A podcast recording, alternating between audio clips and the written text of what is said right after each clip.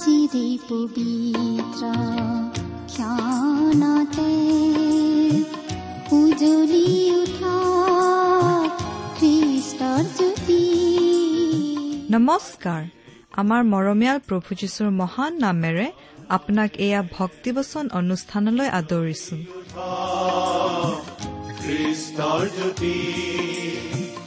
আকাশ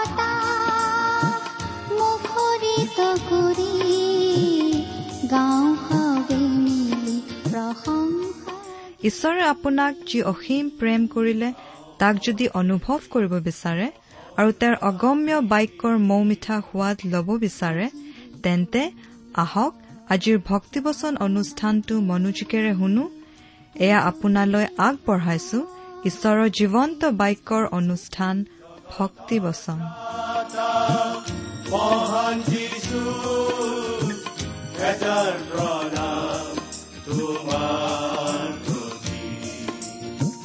গ্ৰহণ কৰাই ভক্তি বচন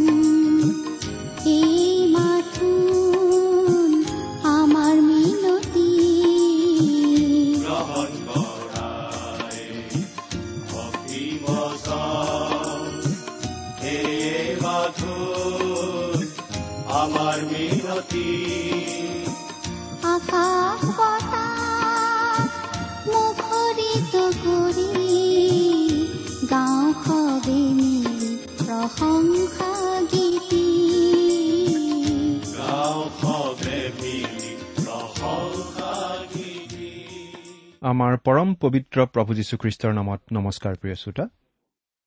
এই ভক্তিবচন অনুষ্ঠানৰ জৰিয়তে পুনৰ আপোনালোকক লগ পাই অতিশয় আনন্দিত হৈছো। আপুনি যে দহু বন কাটি কৰি ৰেডিঅ'টো পকাই আমাৰ এই অনুষ্ঠান শুনিবলৈ আগ্ৰহ দেখুৱালে তাৰ দ্বাৰা আচলতে কি প্ৰমাণ হ'ল জানেনে প্ৰিয় শ্ৰোতা? তাৰ দ্বাৰা এই কথা প্ৰমাণ হ'ল যে আপুনি ঈশ্বৰৰ বাক্য শুনি ভাল পায়। ঈশ্বৰৰ প্ৰতি আপোনাৰ শ্ৰদ্ধা ভক্তি আছে। প্ৰিয় শ্ৰোতা আপুনি বাৰু এই অনুষ্ঠান শুনি কেনে পাইছে? আমালৈ চিঠি লিখি জনাবচোন। আমাৰ ঠিকনাটো আপোনাৰ বোধকৰো মনত আছে তথাপি আকৌ এবাৰ কৈ দিছো। ভক্তিবচন টি ডব্লিউ আৰ ইণ্ডিয়া ডাক বাকচ নম্বৰ সাত শূন্য গুৱাহাটী সাত আঠ এক শূন্য শূন্য এক।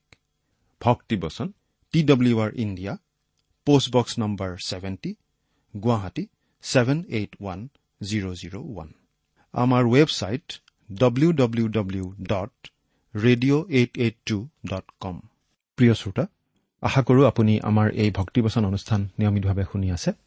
যদি শুনি আছে তেন্তে আপুনি নিশ্চয় জানে যে আমি আজি কিছুদিন ধৰি বাইবেলৰ নতুন নিয়ম খণ্ডৰ জোহনৰ প্ৰথম পত্ৰ নামৰ পুস্তকখন অধ্যয়ন কৰি আছো। আমি এই পুস্তকখনক চমুকৈ প্ৰথম জোহন বুলিয়েই কওঁ। আপুনি যদি আমাৰ আগৰ অনুষ্ঠানটো শুনিছিল তেন্তে আপোনাৰ নিশ্চয় মনত আছে যে আমি যোৱা অনুষ্ঠানত এই প্ৰথম জোহন পুস্তকখনৰ দুই নম্বৰ অধ্যায়ৰ সোতৰ নম্বৰ পদলৈকে অধ্যয়ন কৰি আমাৰ আলোচনা আগবঢ়ালো। গতিকে আজি আমি দুই নম্বৰ অধ্যায়ৰ ওঠৰ নম্বৰ পদৰ পৰা আলোচনা আৰম্ভ কৰিম। আহকচোন আজিৰ বাইবেল অধ্যয়ন আৰম্ভ কৰাৰ আগতে পৰম পিতা পৰমেশ্বৰৰ ওচৰত প্ৰাৰ্থনাত মূৰ্ণত কৰোঁ হওক। আমি প্ৰাৰ্থনা কৰোঁ স্বৰ্গত থকা আমাৰ অসীম দয়ালু কৰোণাময় পিতা তোমাৰ মহান নামৰ ধন্যবাদ কৰোঁ। সকলো গৌৰৱ প্ৰশংসা তুমিয়েই পাবৰ যোগ্য। এই বিশ্বব্ৰহ্মাণ্ডৰ তুমিয়েই গৰাকী। তোমাৰ আগত আমি অতি নগণ্য আমাৰ একো নাই যাৰে আমি তোমাক সন্তুষ্ট কৰিব পাৰোঁ। তুমি পবিত্ৰ আমি অপবিত্ৰ। কিন্তু প্ৰভু তোমাক অশেষ ধন্যবাদ। কিয়নো আমাক উদ্ধাৰ কৰিবলৈ তোমাৰ একমাত্ৰ পুত্ৰ যীশুখ্ৰীষ্টকে জগতলৈ পঠালা। আজি তেওঁত বিশ্বাস কৰি আমি সাহেৰে সৈতে তোমাৰ অনুগ্ৰহৰ সিংহাসনৰ আগলৈ আহিব পৰা হৈছো। তোমাক পিতৃ বুলি মাতিব পৰা হৈছো। এতিয়া প্ৰভু আমি তোমাৰ মহান বাক্য বাইবেল শাস্ত্ৰ অধ্যয়ন কৰিবলৈ আগবাঢ়িছো। তুমি আমাক শিকোৱা বুজোৱা আমাক বিশেষভাৱে কথা কোৱা আমাৰ আগত নিজকে প্ৰকাশ কৰা। এই অনুষ্ঠান শুনি থকা প্ৰতিজন শ্ৰোতাক তুমি বিশেষভাৱে কথা কোৱা। তেওঁলোকৰ জীৱন আশীৰ্বাদ পূৰ্ণ কৰি তোলা। তেওঁলোকৰ হৃদয় সৰগীয় শান্তি আনন্দেৰে উপচাই দিয়া। তেওঁলোকৰ জীৱন সফল কৰি তোলা। কিয়নো এই প্ৰাৰ্থনা আমাৰ মহান ত্ৰাণকৰ্তা জীৱিত প্ৰভু যীশুখ্ৰীষ্টৰ নামত অৰ্পণ কৰিলো। আহমেন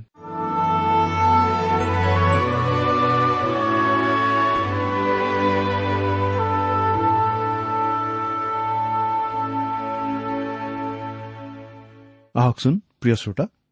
এতিয়া আমি বাইবেল অধ্যয়নৰ পিনে আগবাঢ়ি যাওঁ হওক। আজিৰ অনুষ্ঠানত আমি এই প্ৰথম জোহন পুস্তকৰ দুই নম্বৰ অধ্যায়ৰ ওঠৰ আৰু ঊনৈশ নম্বৰ পদ দুটাৰ আধাৰত আমাৰ আলোচনা আগবঢ়াবলৈ ওলাইছো। যোৱা অনুষ্ঠানত আমি বিশেষভাৱে আলোচনা কৰা কথাটো আছিল এইয়ে যে আমি জগতক অৰ্থাৎ জগত ব্যৱস্থাক প্ৰেম কৰিব নালাগে। এই জগতত থকা চকুৰ অভিলাষ মাংসৰ অভিলাষ আৰু জীৱনকালৰ গৰ্ব এই তিনিও বিষয়ৰ দ্বাৰা ছয়তানে আমাক প্ৰলোভিত কৰে। কিন্তু এই তিনিওটা খন্তেকীয়া আজি আছে কাইলৈ নাই। কিন্তু ঈশ্বৰৰ ইচ্ছা পালন কৰা লোকহে অনন্তকাললৈ থাকে। এতিয়া আমি ওঠৰ নম্বৰ পদৰ পৰা পাঠ কৰি দিব খুজিছো। আশা কৰোঁ আপোনাৰ বাইবেলখন মেলি লৈছে। পাঠ কৰি দিছো। প্ৰথম জোহন দ্বিতীয় অধ্যায় ওঠৰ পদ। সেই শিশুবিলাক শেষকাল উপস্থিত হৈছে আৰু খ্ৰীষ্টাৰী আহিব লাগিছে। এই যি কথা তোমালোকে শুনিলা সেইদৰে এতিয়াই অনেক খ্ৰীষ্টাৰী হ'ল। ইয়াৰ দ্বাৰাই আমি জানো যে শেষকাল উপস্থিত হৈছে। ইয়াত সেই শিশুবিলাক বুলি কওঁতে যিটো কথা বুজোৱা হৈছে বাৰ পদত পাই অহা সেই শিশুবিলাক কথাটোতকৈ অলপ বেলেগ ভাৱ এটা প্ৰকাশ কৰা হৈছে।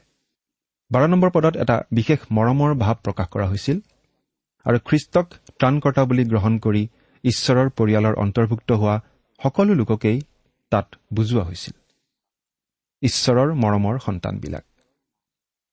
কণমানি শিশুবিলাক। এনেকুৱা এটা ভাৱ প্ৰকাশ কৰা হৈছিল। ইয়াত কিন্তু সেই শিশুবিলাক বুলি কওঁতে খ্ৰীষ্টীয় বিশ্বাসত কুমলীয়া অৱস্থাত থকা বিশ্বাসীসকলক বিশেষভাৱে বুজোৱা হৈছে। এই কথাটো আমি বাৰৰ পৰা চৈধ্য পদ পঢ়োঁতে আলোচনা কৰি আহিছো। খ্ৰীষ্টীয় বিশ্বাসত পৰিপক্ক অৱস্থা পোৱা লোকসকলক হে পিতৃবিলাক বুলি কোৱা হৈছিল। তাৰ পাছত হে ডেকাবিলাক বুলি সম্বোধন কৰা হৈছিল। খ্ৰীষ্টীয় বিশ্বাসত কিছু পৰিমাণে বৃদ্ধি পোৱা লোকসকলক। আৰু তাৰ পাছত সম্বোধন কৰা হৈছিল সেই শিশুবিলাক বুলি। খ্ৰীষ্টীয় বিশ্বাসত একেবাৰে কোমলীয়া অৱস্থাত থকা লোকসকলক। এই ওঠৰ পদত জোহনে আকৌ এই শিশুবিলাকক সম্বোধন কৰিছে।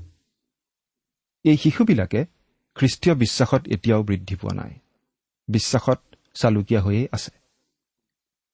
জগতৰ মাজত চলি থাকোঁতে তেওঁলোক হয়তো জাগতিকতাৰ দ্বাৰা প্ৰভাৱিত হৈ মাজে মাজে পিছলিও পৰিছে। ইয়াৰ আগৰ পদকেইটাত উল্লেখ কৰা বিষয় তিনিটা অৰ্থাৎ মাংসৰ অভিলাষ চকুৰ অভিলাষ আৰু জীৱনকালৰ গৰ্ব এইবোৰৰ দ্বাৰা হয়তো তেওঁলোক প্ৰায়েই বিচলিত হৈছে আৰু আত্মিকভাৱে বৃদ্ধি নাপাই শিশু অৱস্থাতেই আছে। শেষকাল উপস্থিত হৈছে। আমি এই জগতত শেষকালত বাস কৰি আছো। এই শেষকাল বহুদিন ধৰি চলি আছে। আৰু এই শেষকালত ঈশ্বৰে নিজৰ নামৰ নিমিত্তে বহুতো লোকক আমন্ত্ৰণ কৰি আছে। এই শেষকালত আমি যিকোনো সময়তে ক'ব পাৰোঁ এয়েই পৰম গ্ৰাহ্যকাল এয়ে পৰিত্ৰাণৰ দিন। আজি যদি তোমালোকে ঈশ্বৰৰ মাত শুনিবলৈ পোৱা তোমালোকৰ হৃদয় কঠিন নকৰিবা। পৰিত্ৰাণৰ বিষয়ে ইমান জৰুৰীকালীনভাৱে কথাবোৰ বাৰু কিয় কোৱা হৈছে? আজিয়েই খ্ৰীষ্টক গ্ৰহণ কৰি পৰিত্ৰাণ লাভ কৰিবলৈ বাৰু কিয় কৈ থকা হৈছে? কাৰণ কাইলৈ হয়তো আমি আৰু নাথাকিবও পাৰোঁ। কাইলৈ হয়তো ৰেডিঅ' যোগে বাইবেল অধ্যয়নৰ অনুষ্ঠান প্ৰচাৰ কৰিবলৈ আমি নাথাকিব পাৰোঁ। আমি হয়তো এই পৃথিৱীত নাথাকিব পাৰোঁ। গতিকে আমি খ্ৰীষ্টৰ শুভবাৰ্তা জনাই দিয়াটো জৰুৰী আৰু আপোনালোকে এই শুভবাৰ্তা শুনি খ্ৰীষ্টক গ্ৰহণ কৰাটোও জৰুৰী। আৰু খ্ৰীষ্টাৰী আহিব লাগিছে। এই যি কথা তোমালোকে শুনিলা সেইদৰে এতিয়াই অনেক খ্ৰীষ্টাৰী হ'ল। পাচনি জোহনৰ দিনতেই বহুতো খ্ৰীষ্টাৰী ওলাইছিল কিন্তু মূল খ্ৰীষ্টাৰীজন আহি আছে। খ্ৰীষ্টাৰী মানে বাৰু আমি কি বুজো?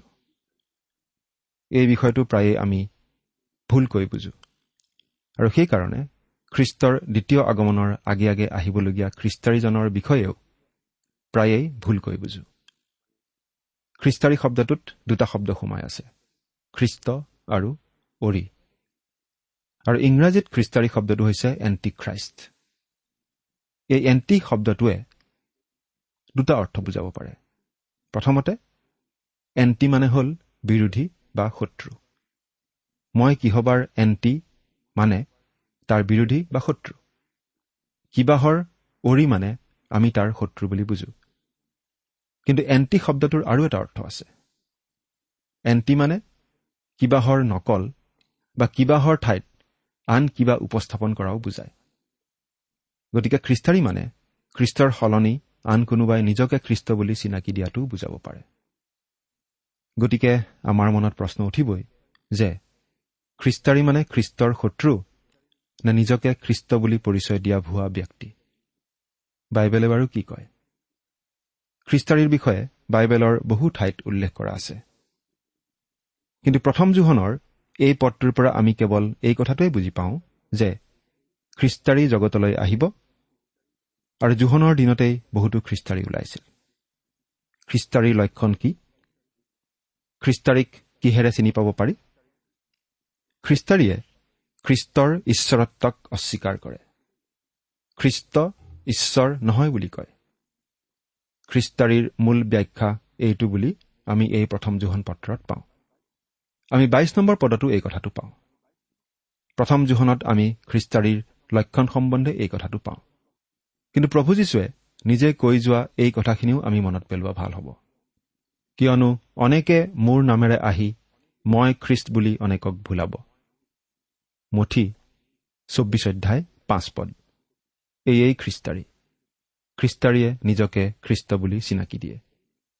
আমি ভাবোঁ শেষকালত দুজন বিশেষ ব্যক্তিৰ আৱিৰ্ভাৱ হ'ব আৰু খ্ৰীষ্টাৰীৰ এই দুটা লক্ষণ প্ৰকাশ পাই উঠিব। খ্ৰীষ্টৰ ঈশ্বৰত্বক অস্বীকাৰ কৰিব আৰু এজনে নিজকে খ্ৰীষ্ট বুলি চিনাকি দিব। এই কথাটো আমি প্ৰকাশিত বাক্য তেৰ নম্বৰ অধ্যায়ত পাওঁ। তাত আমি এটা পশুৰ কথা পাওঁ। সাগৰৰ পৰা উঠি অহা পশু। এই পশুটোক ছয়তানে মাতি আনিব। এই পশুটো হ'ব এজন ৰাজনৈতিক নেতা। আৰু খ্ৰীষ্টৰ ঘূৰ বিৰোধী হ'ব। তাৰ পাছত ভূভাগৰ পৰা অহা দ্বিতীয় এটা পশুৰ কথা আমি পাওঁ। পশুটো দেখাত মেৰ পোৱালিৰ নিচিনা কিন্তু আচলতে মেৰৰ বেশত অহা ৰাং কুকুৰহে। এই পশুটোৱে নিজকে খ্ৰীষ্ট বুলি দেখুৱাব। কাৰণ খ্ৰীষ্ট হৈছে জগতৰ পাপ লৈ যোৱা ঈশ্বৰৰ মেৰ পোৱালি। জোহন প্ৰথম অধ্যায় ঊনত্ৰিশ পদ। গতিকে এই দ্বিতীয় ব্যক্তিজন হ'ব এজন ধৰ্মীয় নেতা। ৰাজনৈতিক নেতাজন আহিব পৰজাতিৰ দেশৰ পৰা। আগৰ ৰুমিয়া সাম্ৰাজ্যৰ পৰা। আনহাতে ধৰ্মীয় নেতাজন ওলাব ইছৰাইল জাতিৰ মাজৰ পৰা। গতিকে আচলতে দুজন ব্যক্তিৰ যোগেদি খ্ৰীষ্টাৰীৰ লক্ষণবোৰ প্ৰকাশ পাই উঠিব। এই দুয়োজন আহিব শেষকালত খ্ৰীষ্টৰ পুনৰ আগমনৰ ঠিক আগতে। এজন হ'ব খ্ৰীষ্ট বিৰোধী আৰু আনজন ভুৱা খ্ৰীষ্ট।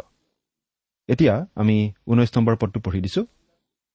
তেওঁবিলাক আমাৰ মাজৰ পৰা ওলাই গ'ল। কিন্তু আমাৰ সম্বন্ধীয় নাছিল। কিয়নো আমাৰ সম্বন্ধীয় হোৱা হলে আমাৰ লগত থাকিলেহেঁতেন। কিন্তু তেওঁবিলাক প্ৰকাশিত হ'বলৈ অৰ্থাৎ তেওঁবিলাক সকলোৱেই যে আমাৰ সম্বন্ধীয় নহয় এয়ে প্ৰকাশিত হ'বলৈ তেওঁবিলাক ওলাই গ'ল। এইটো অতি গুৰুত্বপূৰ্ণ কথা। জোহনে ইয়াত এই কথাটো ক'ব বিচাৰিছে যে কিছুমান লোকে নিজকে খ্ৰীষ্টীয় বিশ্বাসী বুলি চিনাকি দি আহিছিল। দেখাত তেওঁলোক খ্ৰীষ্টীয় বিশ্বাসী যেনেই আছিল। তেওঁলোকৰ নাম খ্ৰীষ্টিয়ান নাম আছিল। তেওঁলোকে কোনো স্থানীয় মণ্ডলীৰ হয়তো সভ্যও আছিল। তেওঁলোকে পিতৃ পুত্ৰ আৰু পবিত্ৰ আত্মাৰ নামত ডুবো লৈছিল তেওঁলোকে প্ৰভুভোজৰ ৰুটি আৰু দ্ৰাক্ষাৰসু গ্ৰহণ কৰিছিল। কিন্তু ইয়াত আমাক জোহনে এই কথাটো জনাই দিছে যে যদিহে কোনো ব্যক্তি আচলতে ঈশ্বৰৰ সন্তান নহয় যদিহে প্ৰকৃততে খ্ৰীষ্টীয় বিশ্বাসী নহয় তেন্তে এদিন নহয় এদিন তেনেকুৱা ব্যক্তিৰ আচল স্বৰূপটো প্ৰকাশ পাই উঠিবই। আৰু তেনেকুৱা ভুৱা বিশ্বাসীয়ে প্ৰকৃত খ্ৰীষ্টীয় বিশ্বাসীসকলৰ মাজৰ পৰা বাহিৰ হৈ গৈ নিজে যে প্ৰকৃত খ্ৰীষ্টীয় বিশ্বাসী নহয় সেই কথা নিজেই প্ৰমাণ কৰি দিব। তেনেকুৱা ব্যক্তিয়ে খ্ৰীষ্টীয় বিশ্বাসীৰ মণ্ডলী ত্যাগ কৰি আকৌ জগতৰ লগত মিলি পৰিব। আমি দ্বিতীয় পিতৰ অধ্যয়ন কৰোঁতে গাহৰিৰ দৃষ্টান্ত এটা পাইছিলো। পাঠ কৰি দিছো। কুকুৰে নিজৰ বাতি লৈ আৰু ধুওৱা গাহৰিয়ে বোকাত লেটি ল'বলৈ আকৌ ওলটি যায়। এই স্বৰূপ পতন্তৰৰ দৰে তেওঁবিলাকলৈ ঘটিল। দ্বিতীয় পিতৰ দুই অধ্যায় বাইছ পদ। ধুওৱা গাহৰিয়ে আকৌ বোকাত লেটি ল'বলৈ যাবই। গাহৰিৰ স্বভাৱেই সেইটো। গাহৰি এটা ধুৱাই পখলাই ধুনীয়া সাজ পোছাক পিন্ধাই ঘৰৰ ভিতৰত ৰাখিলেও সুবিধা পালেই সেই গাহৰিয়ে আকৌ বোকাত লেটি ল'বলৈ ওলাই যাবই। তেওঁবিলাক সকলোৱেই যে আমাৰ সম্বন্ধীয় নহয় এয়ে প্ৰকাশিত হ'বলৈ তেওঁবিলাক ওলাই গ'ল। এইটো অলপ সূতা মন্তব্য হলেও এইটো সত্য কথা। বহুতো লোকে নিজকে খ্ৰীষ্টীয় বিশ্বাসী বুলি চিনাকি দিয়ে। কিন্তু সকলোবোৰ আচলতে খ্ৰীষ্টীয় বিশ্বাসী নহয়। প্ৰভু যীশুৱে জিহুদাৰ বিষয়ে এনেদৰে কৈছিল কিন্তু চোৱা মোক শত্ৰুৰ হাতত সোধাই দিওঁতাৰ হাত মোৰে সৈতে মেজতে আছে। প্ৰভু যীশুক শত্ৰুৰ হাতত সোধাই দিয়া লোকজনো প্ৰভু যীশুৰ শিষ্যসকলৰ মাজৰেই এজন আছিল। এই জিহুদা বাহিৰত দেখাত প্ৰভু যীশুৰ শিষ্যই আছিল। আন আন শিষ্যসকলৰ নিচিনাই আছিল। তেওঁক ভুৱা বুলি আন কোনেও গমেই পোৱা নাছিল। অন্তৰ্জামী প্ৰভু যীশুৰ বাহিৰে। কিন্তু যীহুদা যে ভুৱা শিষ্য আছিল সেইটো অৱশেষত কাৰ্যৰ দ্বাৰা প্ৰকাশ পাই উঠিল। জোহনে ইয়াত যিটো কথা কৈছে সেইটো আজি আমাৰ বাবে অতি গুৰুত্বপূৰ্ণ।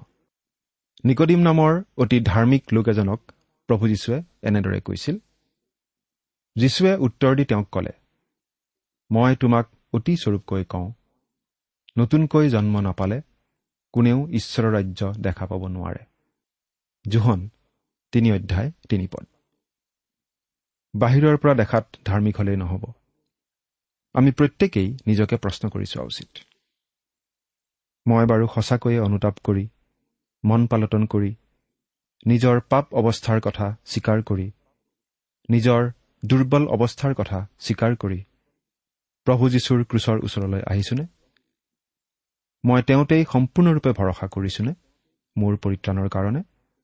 মোৰ পাপৰ প্ৰায়চিত্ৰৰ কাৰণে?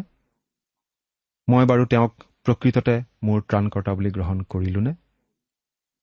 মই তেওঁক গ্ৰহণ কৰি ঈশ্বৰৰ সন্তান হোৱাৰ আত্মিক নতুন জন্ম লাভ কৰাৰ কিবা চিন বা লক্ষণ মোৰ জীৱনত প্ৰকাশ পাই উঠিছেনে? মই ঈশ্বৰৰ বাক্যক প্ৰেম কৰোনে?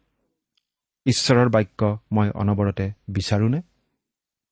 ইয়েই মোৰ আত্মিক আহাৰ নে ইয়েই মোৰ পানীয়নে? মই আন খ্ৰীষ্টীয় বিশ্বাসীসকলক প্ৰেম কৰোনে? প্ৰভু যীশুক প্ৰেম কৰোনে? তেওঁৰ বাক্য পালন কৰিবলৈ হাবিয়াস কৰোনে? প্ৰিয় শ্ৰোতা আমি এনেদৰে নিজকে প্ৰশ্ন কৰা উচিত। ঈশ্বৰৰ বাক্যই আজি আমাক এনেদৰে উদগাইছে।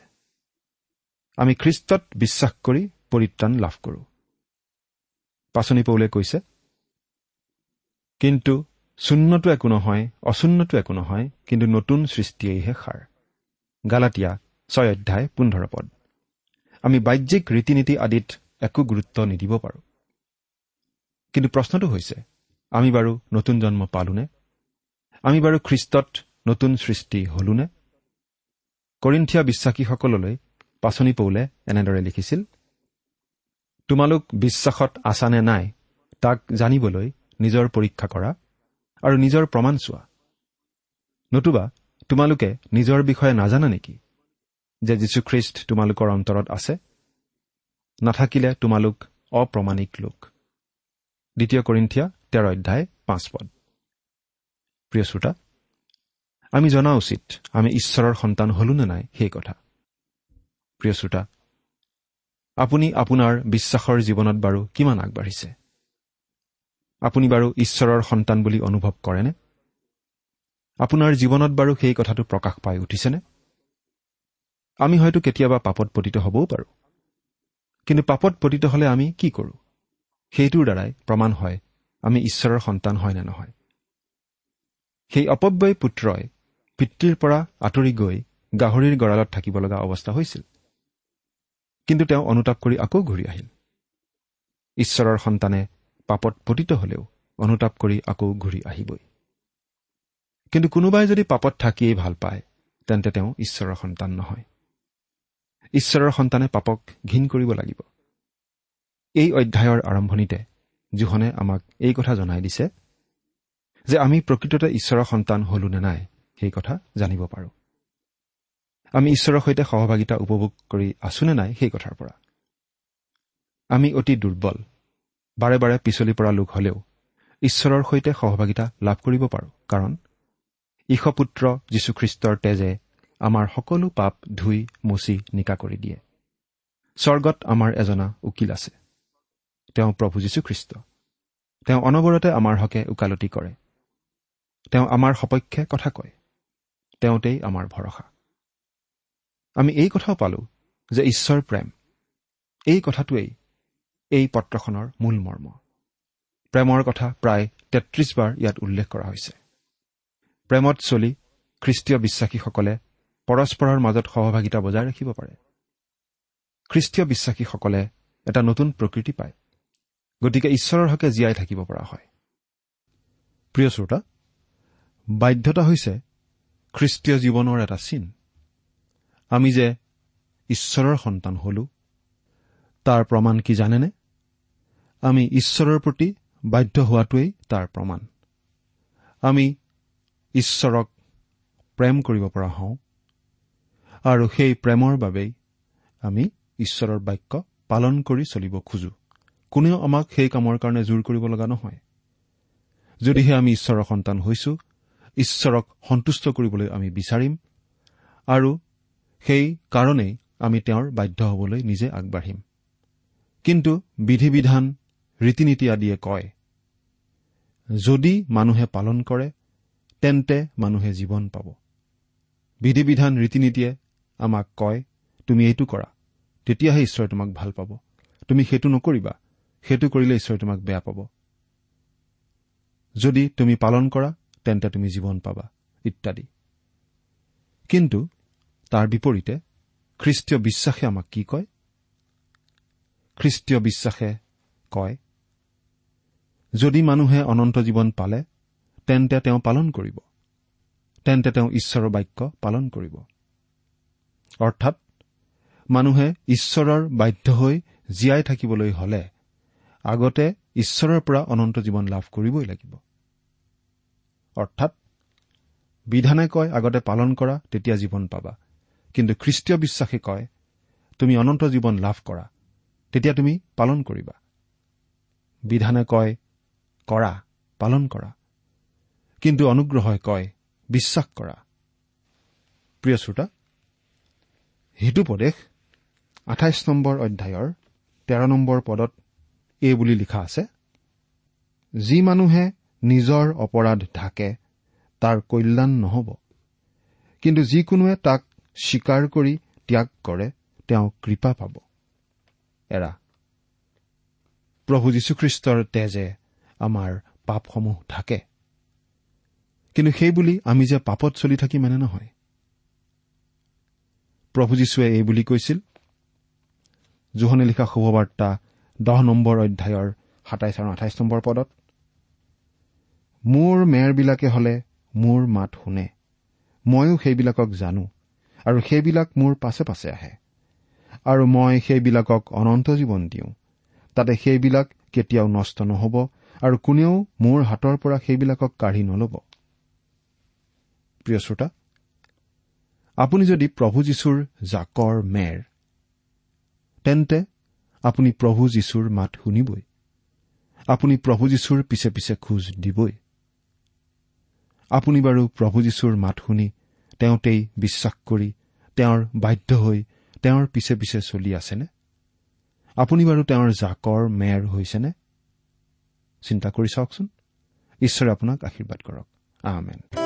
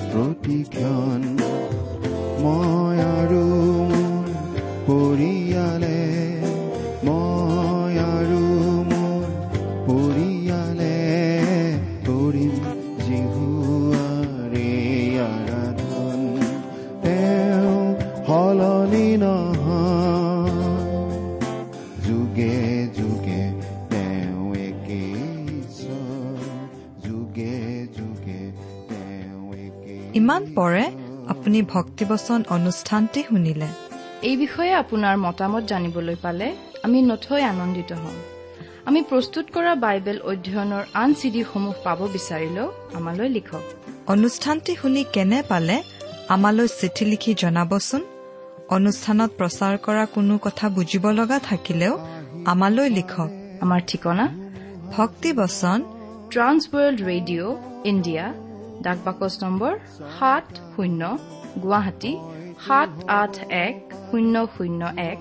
ঠিকনাটো আৰু এবাৰ কৈছো ভক্তিবচন ট্ৰান্স ৱৰ্ল্ড ৰেডিঅ' ইণ্ডিয়া ডাক বাকচ নম্বৰ সাত শূন্য গুৱাহাটী সাত আঠ এক শূন্য শূন্য এক।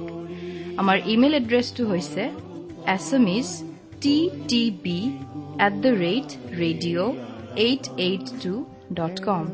আমাৰ website W W W dot T W R dot in আপুনি টেলিফোনৰ মাধ্যমেৰেও আমাক যোগাযোগ কৰিব পাৰে। আমাৰ টেলিফোন নম্বৰটো হৈছে শূন্য তিনি ছয় এক দুই ছয় শূন্য চাৰি ছয় সাত এক।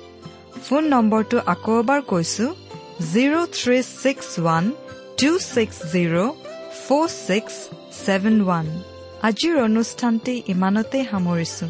ঈশ্বৰৰ শান্তি আৰু অনুগ্ৰহ আপোনাৰ লগত থাকক। ধন্যবাদ।